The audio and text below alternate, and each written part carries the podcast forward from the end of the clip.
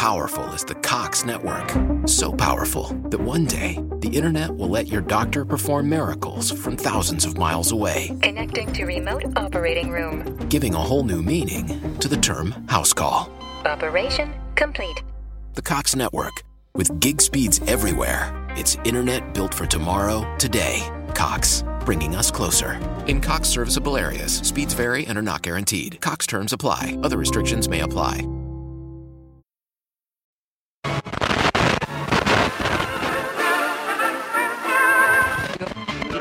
دواعي سروري وارتباطي أن أرحب بكم في هذه المناسبة السعيدة. كانت القاعة مليانة. روائح العود والعطور ممزوجة برائحة الهيل والقهوة. صوت المغني واضح وجميل. بعض أطفال العائلة يركضون هنا وهناك. طفت أنوار القاعة واتجهت الأنظار لباب العروس. الوضع كان هادئ. عرفنا العروس بتدخل الآن. وفعلا بدت الزفة ودخلت العروس لين وصلت مكانها. طبعا بدت الفقرة النقدية المعتادة لازم الكل يعطي تقييمه وانطباعه عن فستان العروس اللي للأمانة كان جميل. أجمل تعليق سمعته لوحدة من أمهاتنا الكبار بالسن الله يحفظها وهي كانت مو بجايز لها الفستان وقاعدة تتذكر ثوب عرسها وخصوصا هامة الذهب اللي للحين محتفظة فيها. بينما حفيدتها بالمقابل كانت تمدح الفستان وتمدح العروس وتحاول تقنع أمها وجدتها أنها تبي نفس هالموديل في عرسها. حوار الأجيال هذا يخلينا نتساءل عن فستان العروس في السعودية وكيف التطور عبر الزمن. وهذه الحلقة من بودكاست 1949 لوزارة الثقافة. راح نتحدث عن العروس في الماضي ملابسها وإكسسواراتها وكيف تطورت ملابس العروس وفساتينها وزينتها مع الزمن؟ معكم أنا هانية البريكان. التفتت أم ناصر على أم محمد تلطف الجو. شفتي يا أم محمد؟ الله يرحم أيامنا كنا خايفين ومستحين. بنات اليوم مستانسات ويضحكن. هم وصديقاتهم معهم. ضحكت أم محمد. وكأنها تتذكر هذاك اليوم كل تفاصيله. والله يا أم ناصر ما في مثل أيامنا. وعروسنا. يخلص العرس عقب العشاء والعروس بغريفتها وعليها دراعتها وغطوتها والعباه. تنتظر المعرس يدخل يسلم عليها. إيه كل شيء راح كأنه أمس. الله يرحمهم برحمته. انتهى الزواج وكان كل شيء مثل ما خططت له العروس. أنثوي راقي يشبه لها بكل تفاصيله وألوانه. لكن ما قدرت أنام. وأنا أفكر بالفرق بين عروس اليوم وعروس أمس. كيف كانت الفروقات؟ وكيف كانت تنزف؟ وكيف كانت تتجهز؟ وكيف كانت كل تفاصيل هذاك اليوم؟ أم محمد أشغلت فكري وتفكيري وخلتني ما أنام. من حسن حظي عمتي الله يطول بعمرها كانت تتغدى عندنا اليوم اللي بعده. سألتها عن عروس أول كيف كانت وكيف كان زواجها وكيف كانت تفاصيل هذاك اليوم. قالت يوم كنت صغيرة كنا نحضر زواجات قرايبنا علي بخنقي ودراعتي الملونة ويوم صار عمري 15 أخذت أبو تركي. الله يرحمه. وهو يقرب لي. وهذا حال الزواج وقتها. ياخذون قرايب أو جيران. يختارون العروس. وإذا وافقت أرسلوا لأهلها النقدية. التفت عليها وأنا مستغربة. نقدية؟ وش النقدية؟ قالت بشوت وعبايات. لأهل البيت من الكبار منهم. وعقبها يرسلون المهر. زواجاتنا من أول يا هانية. بسيطة. تبدأ من صبح يوم العرس. الرجال يطبخون. العروس تجهزها الربعية قبلها بيوم تتحنى ويوم العرس يمشطون شعرها بالريحان والزهور ويحطون لها خلطات من الزهور يعطرون شعرها. قالت عمتي كأنها تحاول تتذكر تفاصيل عرسها وتفاصيل هذاك اليوم. قالت جاب لي جدك الله يرحمه صندوق من الساج مزخرف كان يوصون عليه من الهند خشبي حطوا فيه جهازي له أربع رجول وأنا أتخيل شكله. قالت حطوا فيه كل جهازي الديرم والكحل والمشط والعطور. تفتت وهي تسكت تطالعني قالت تحسبين ما عندنا عطور؟ عطور وبخور والثوب المسرح والدراعات.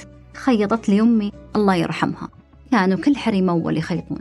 تسترسل عمتي وكأنها تتذكر تفاصيل اليوم وأحداثه. كل التفاصيل التفتت علي تقول كانوا حريم أول كلهم يخيطون وبعضهم يخيطون ويطرزون. تقولها وهي تتنهد وتتذكر تفاصيل الأيام. قلت لها شلون كان تطريزهم؟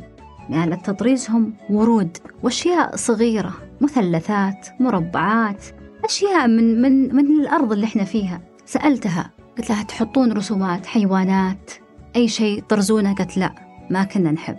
قلت لها وش لبستي؟ وش التفاصيل؟ حكيني أكثر. ردت قالت لبست يوم عرسي دراعة عنابية. غامقة وعليها ثوب التلي. سألتها وش هو التلي؟ قالت ثوب من التل.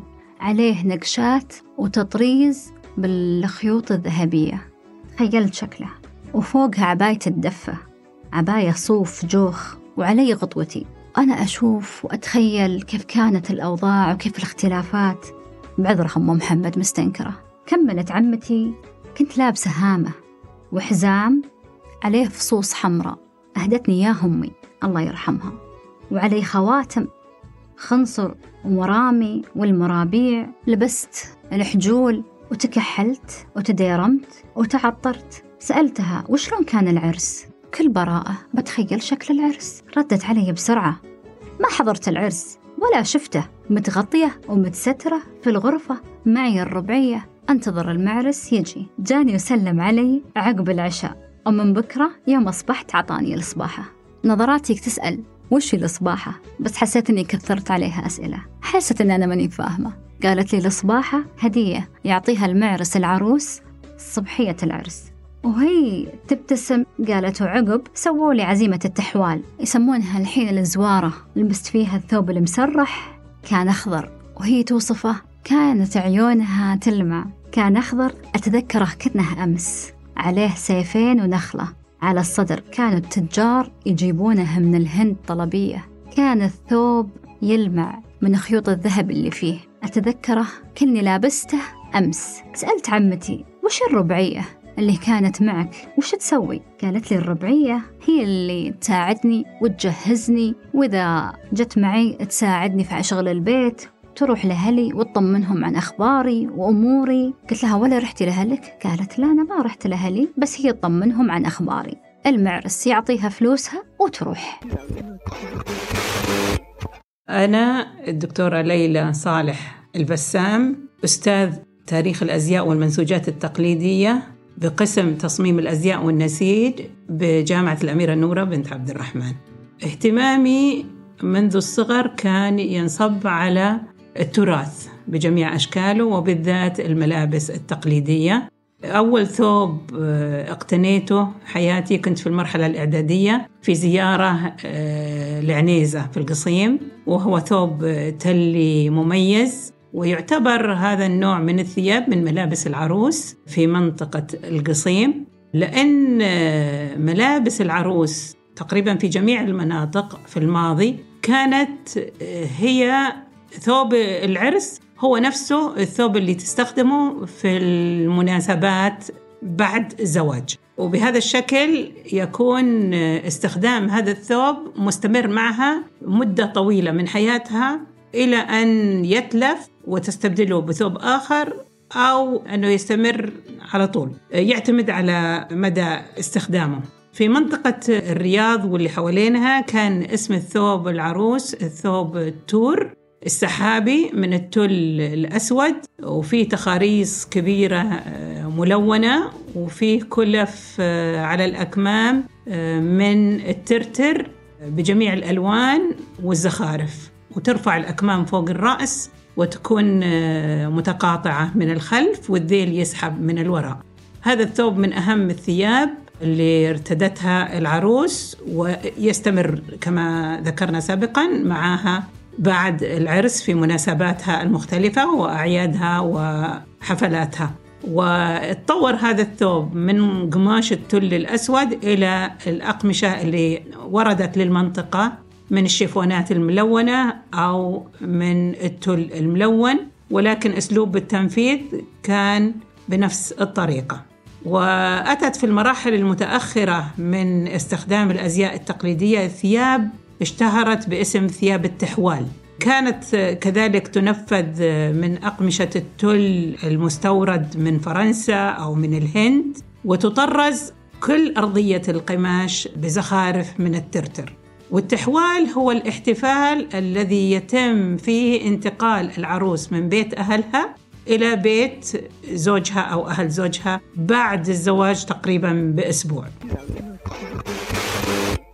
أحداث كثيرة تغيرت. من زمن عمتي طول الله بعمرها وبعدها زواج الوالدة. الوالدة تزوجت في نهاية السبعينات الميلادية. كانت بداية ظهور الطفرة. سألت أمي كيف كان تفاصيل عرسكم؟ تشبه لعمتي؟ قالت لا كثير تغيرت. لبست فستان أبيض.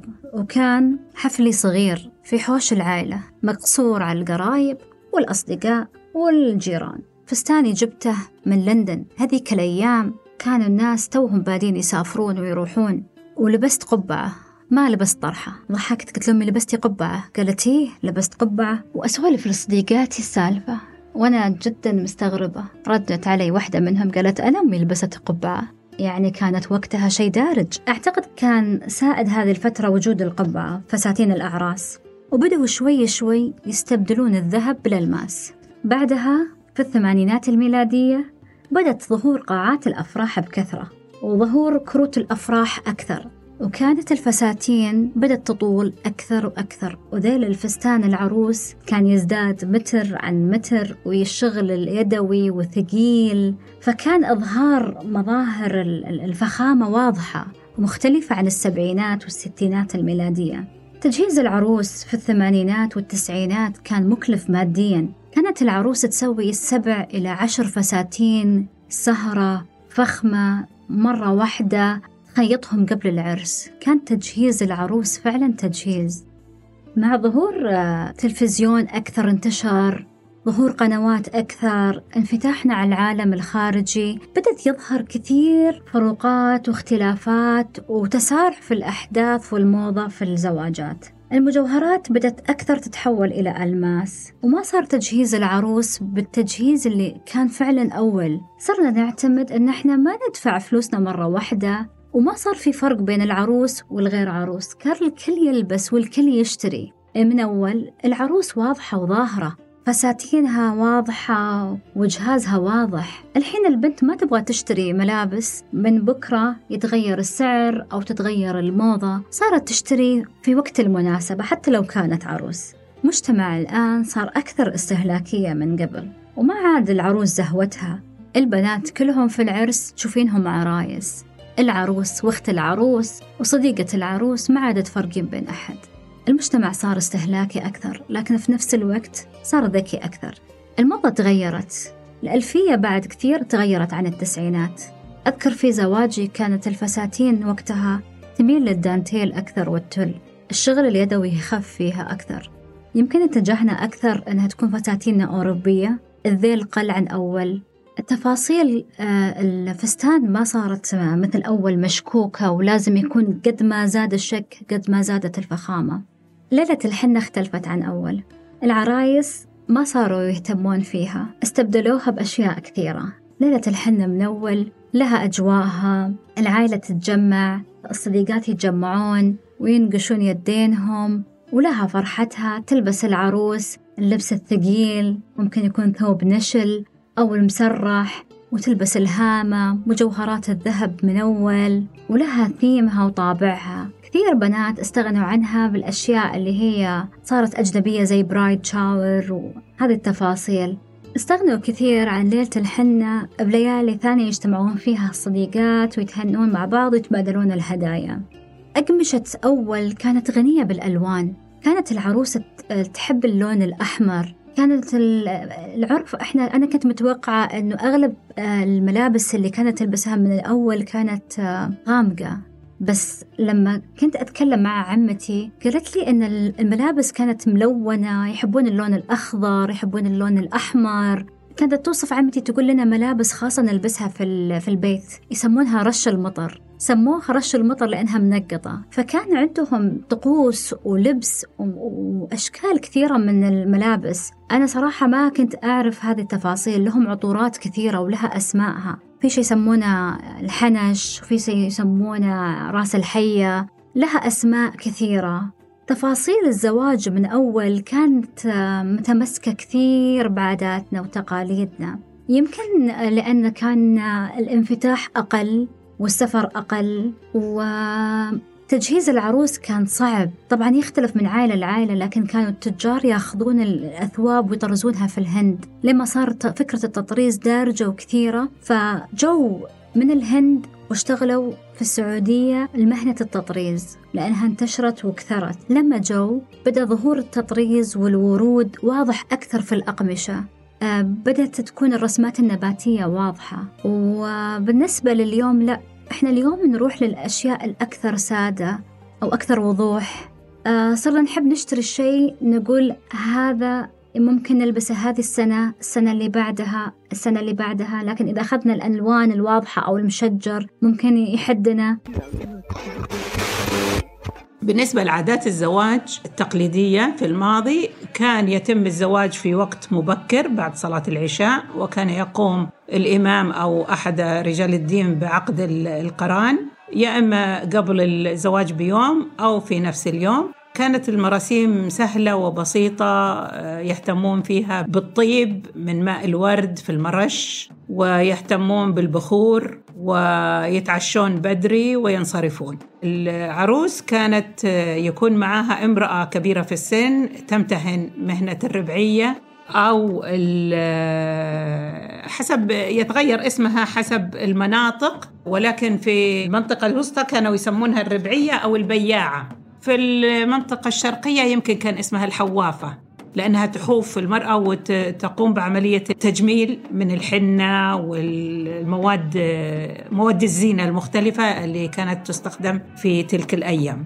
بالنسبة للمهر كان يدفع المهر على شكل مواد عينية من أقمشة وعباءات وبشوت. عادة توزع كهدايا لأقارب العروس من الرجال والنساء. وبالإضافة إلى من الممكن أن يرسل الخطيب الفراش وملحقاته أو تقوم الأم بشرائه يرسل مبلغ من المال وتقوم الأم أم العروس باستكمال ما تبقى من المستلزمات الجهاز من السوق. مثل الفراش وملحقاته وكانت من المسميات التقليدية لها الدوشق اللي هي المرتبة المضرب اللي هو اللحاف الشف اللي هو البطانية والزولية اللي.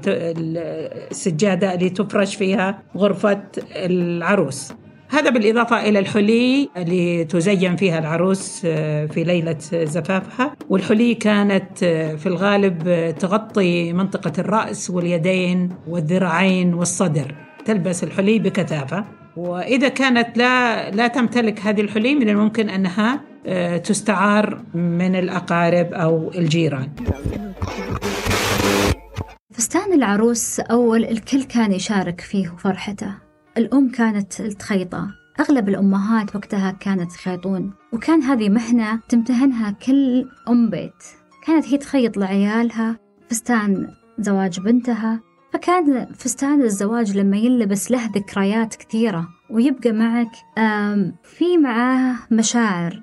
ما كان فستان يعتبر عادي تلبسه اليوم وخلاص لا كان فيه فرحة في البيت. آه الأنوار موجودة في كل البيت العروس. كانوا قبل قبل لا يبدأ زفة المعرس يرشون الأرض موية عشان الغبار ما يطير. يدخل المعرس دائما بعد صلاة العشاء. تكون العروس مرتبكة وخايفة لأنها صغيرة في العمر في ذاك الوقت يتزوجون صغار.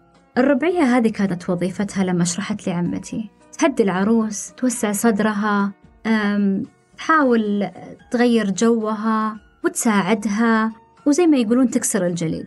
تغير لبس العروس إلى الأبيض تقريبا في السبعينات الميلادية. أعتقد السفر والبعثات اللي حصلت والطفرة والتلفزيون كثير أثر علينا وبدأوا الناس يلبسون الأبيض من وقتها. صحيح بعض البنات الحين ممكن تلبس على الذهبي أو الوردي الفاتح لكن يعد الأبيض أتوقع لون العموم. عروس زمان كانت تحب اللون العنابي وتلبس فوقه فستان من التل يسمونه التلي. عليه خيوط من الحرير ذهبية تلمع وكان ياخذ شغل ومهارة عالية. في رسومات ورود صغيرة. عروس زمان كان لها فرحة.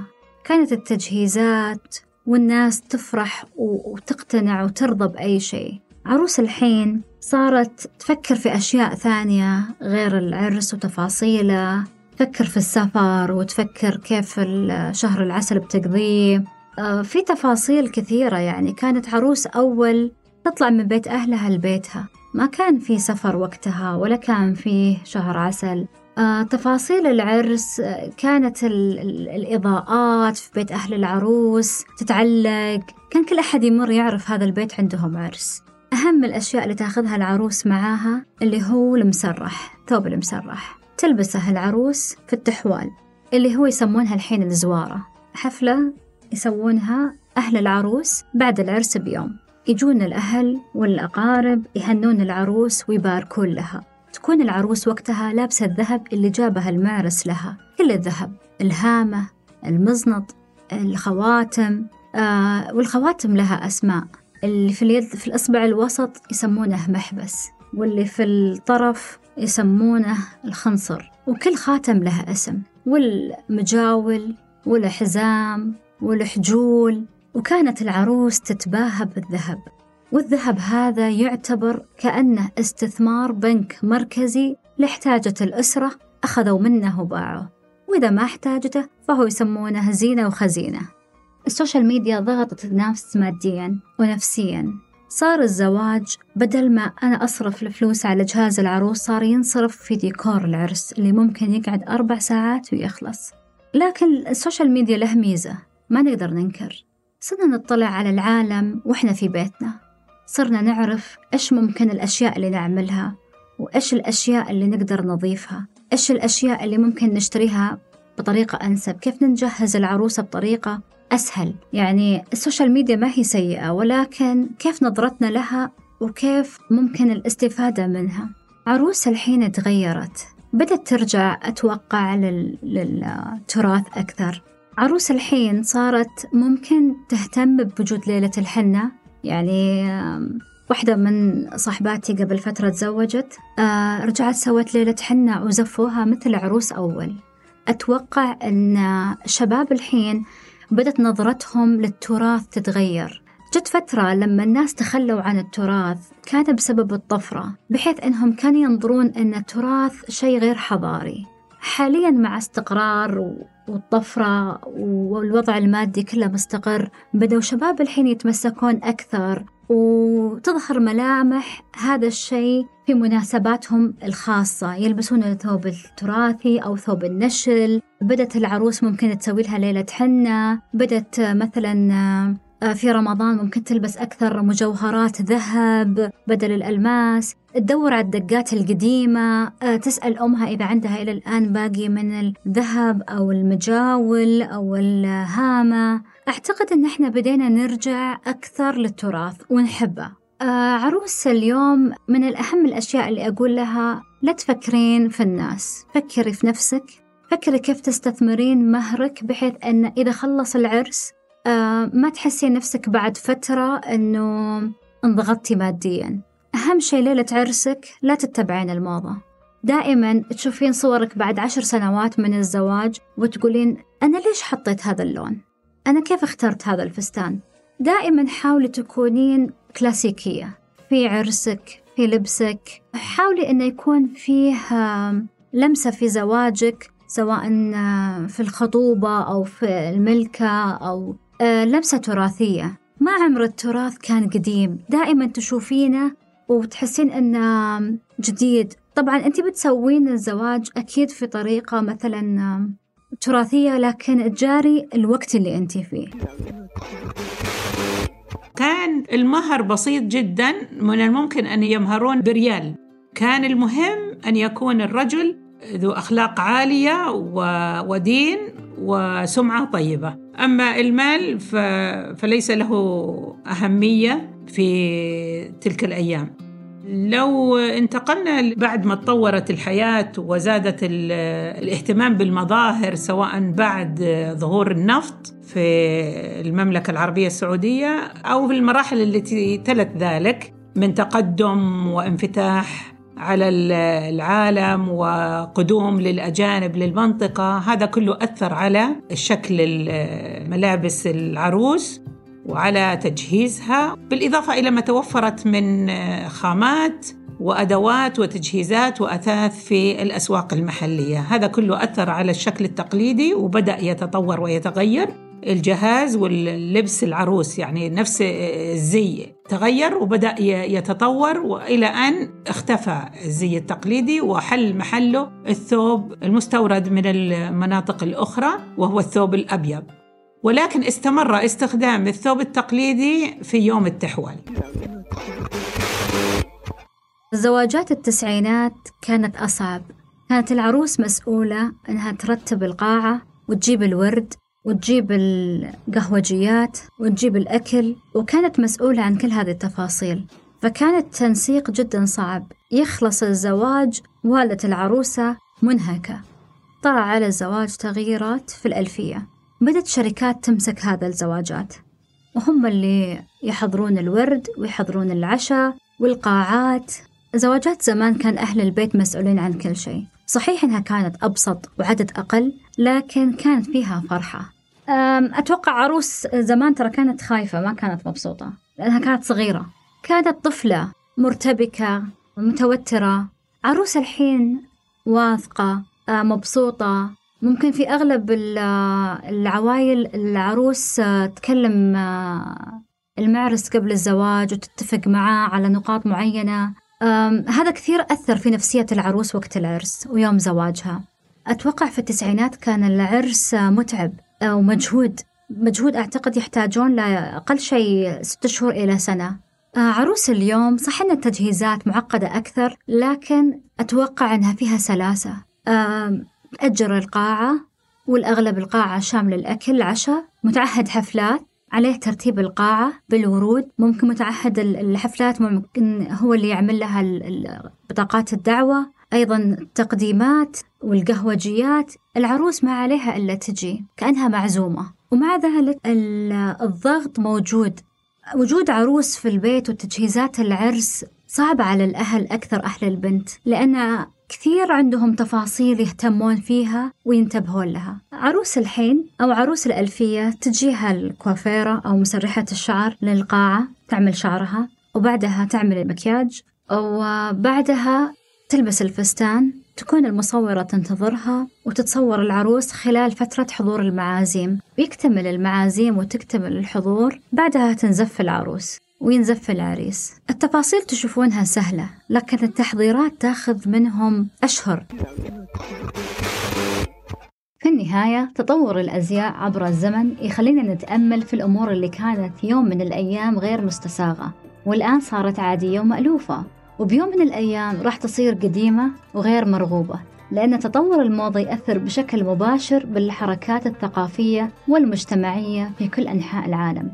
عشان كذا من الجميل أننا نحرص في أزيائنا اللي نختارها أنها تكون نابعة من تراثنا وتحمل ثقافتنا وهذا أبد ما يتعارض مع مواكبتها للحداثة للتصاميم العالمية.